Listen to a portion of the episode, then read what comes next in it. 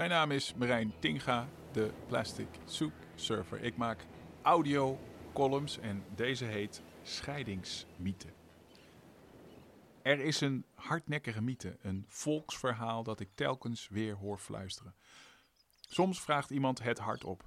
Dat scheiden van dat afval, dat heeft toch helemaal geen zin? Alles wordt toch weer bij elkaar gegooid en dan verbrand? Op een van de warmste dagen van het jaar stap ik in de Waalhaven Rotterdam, de grootste scheidingsinstallatie van Nederland binnen. In deze enorme loods van Suez wordt driekwart van al het plastic dat we als huishoudens jaarlijks thuis scheiden verwerkt. Totaal 110 miljoen kilo per jaar. Het is binnen zo heet als een sauna. Een kleffe geur van zoet, zuur bederf omsluit ons. Ik moet vechten om niet te kokhalzen. We zijn heel klein te midden van de weerwar aan lopende banden, trilmachines en schutplaten. Brokjes, flarden en scherven plastic afval worden schuin de hoogte in vervoerd of verdwijnen de diepte in. Je moet in elkaars oor schreeuwen om boven het kabaal uit te komen. Aan de stellages bungelen dikke massa's zwarte linten uit cassettebandjes en videobanden als zeewier in een donker onderwatergrot. Ik kijk in een gigantische droogtrommel die de gerafelde plastic folies van de hardere plastics scheidt. Ik krijg uitleg over de trilplaten met gaten die lichtere vormen van zwaardere filteren.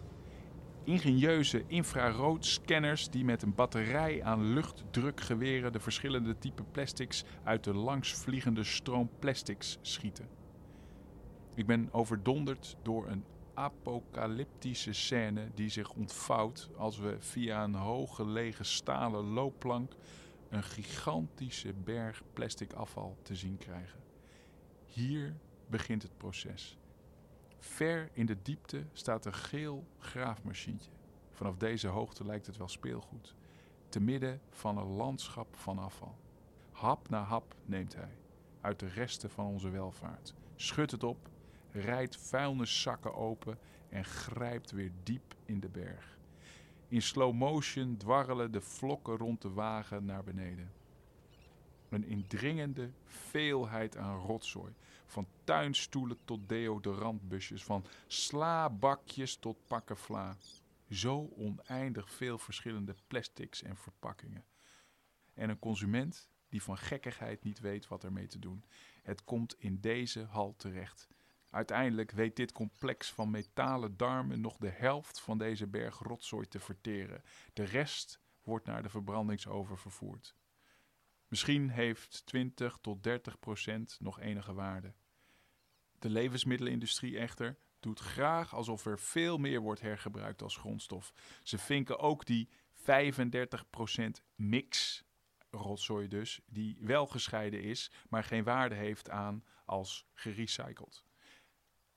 Waarheid is dat deze mix tegen betaling naar Duitsland wordt vervoerd. Daar wordt het dan nog een keer nagescheiden, zodat er alsnog wat bermpaaltjes van kunnen worden gemaakt. Maar het merendeel wordt uiteindelijk verbrand. De mythe dus klopt ten dele. We worden overvoerd met plastic verpakkingen. Je moet echt een rondleiding gehad hebben als burger om te begrijpen wat wel en niet in de plasticbak mag. De helft van wat we scheiden wordt dus uiteindelijk verbrand. De reden is niet dat recyclaars niet goed hun best doen. Het is omdat burgers overvoerd worden, niet goed kunnen scheiden of omdat een groot deel van wat er in onze handen komt wel degelijk plastic is, maar sowieso niet is gemaakt om te recyclen. Er moet een nieuw volksverhaal verzonnen worden. En wel snel. Dit was de Plastic Soup Surfer. Kijk ook op plasticsoupsurfer.org. Abonneer, reageer en like om onze missie te versterken. Dank u wel.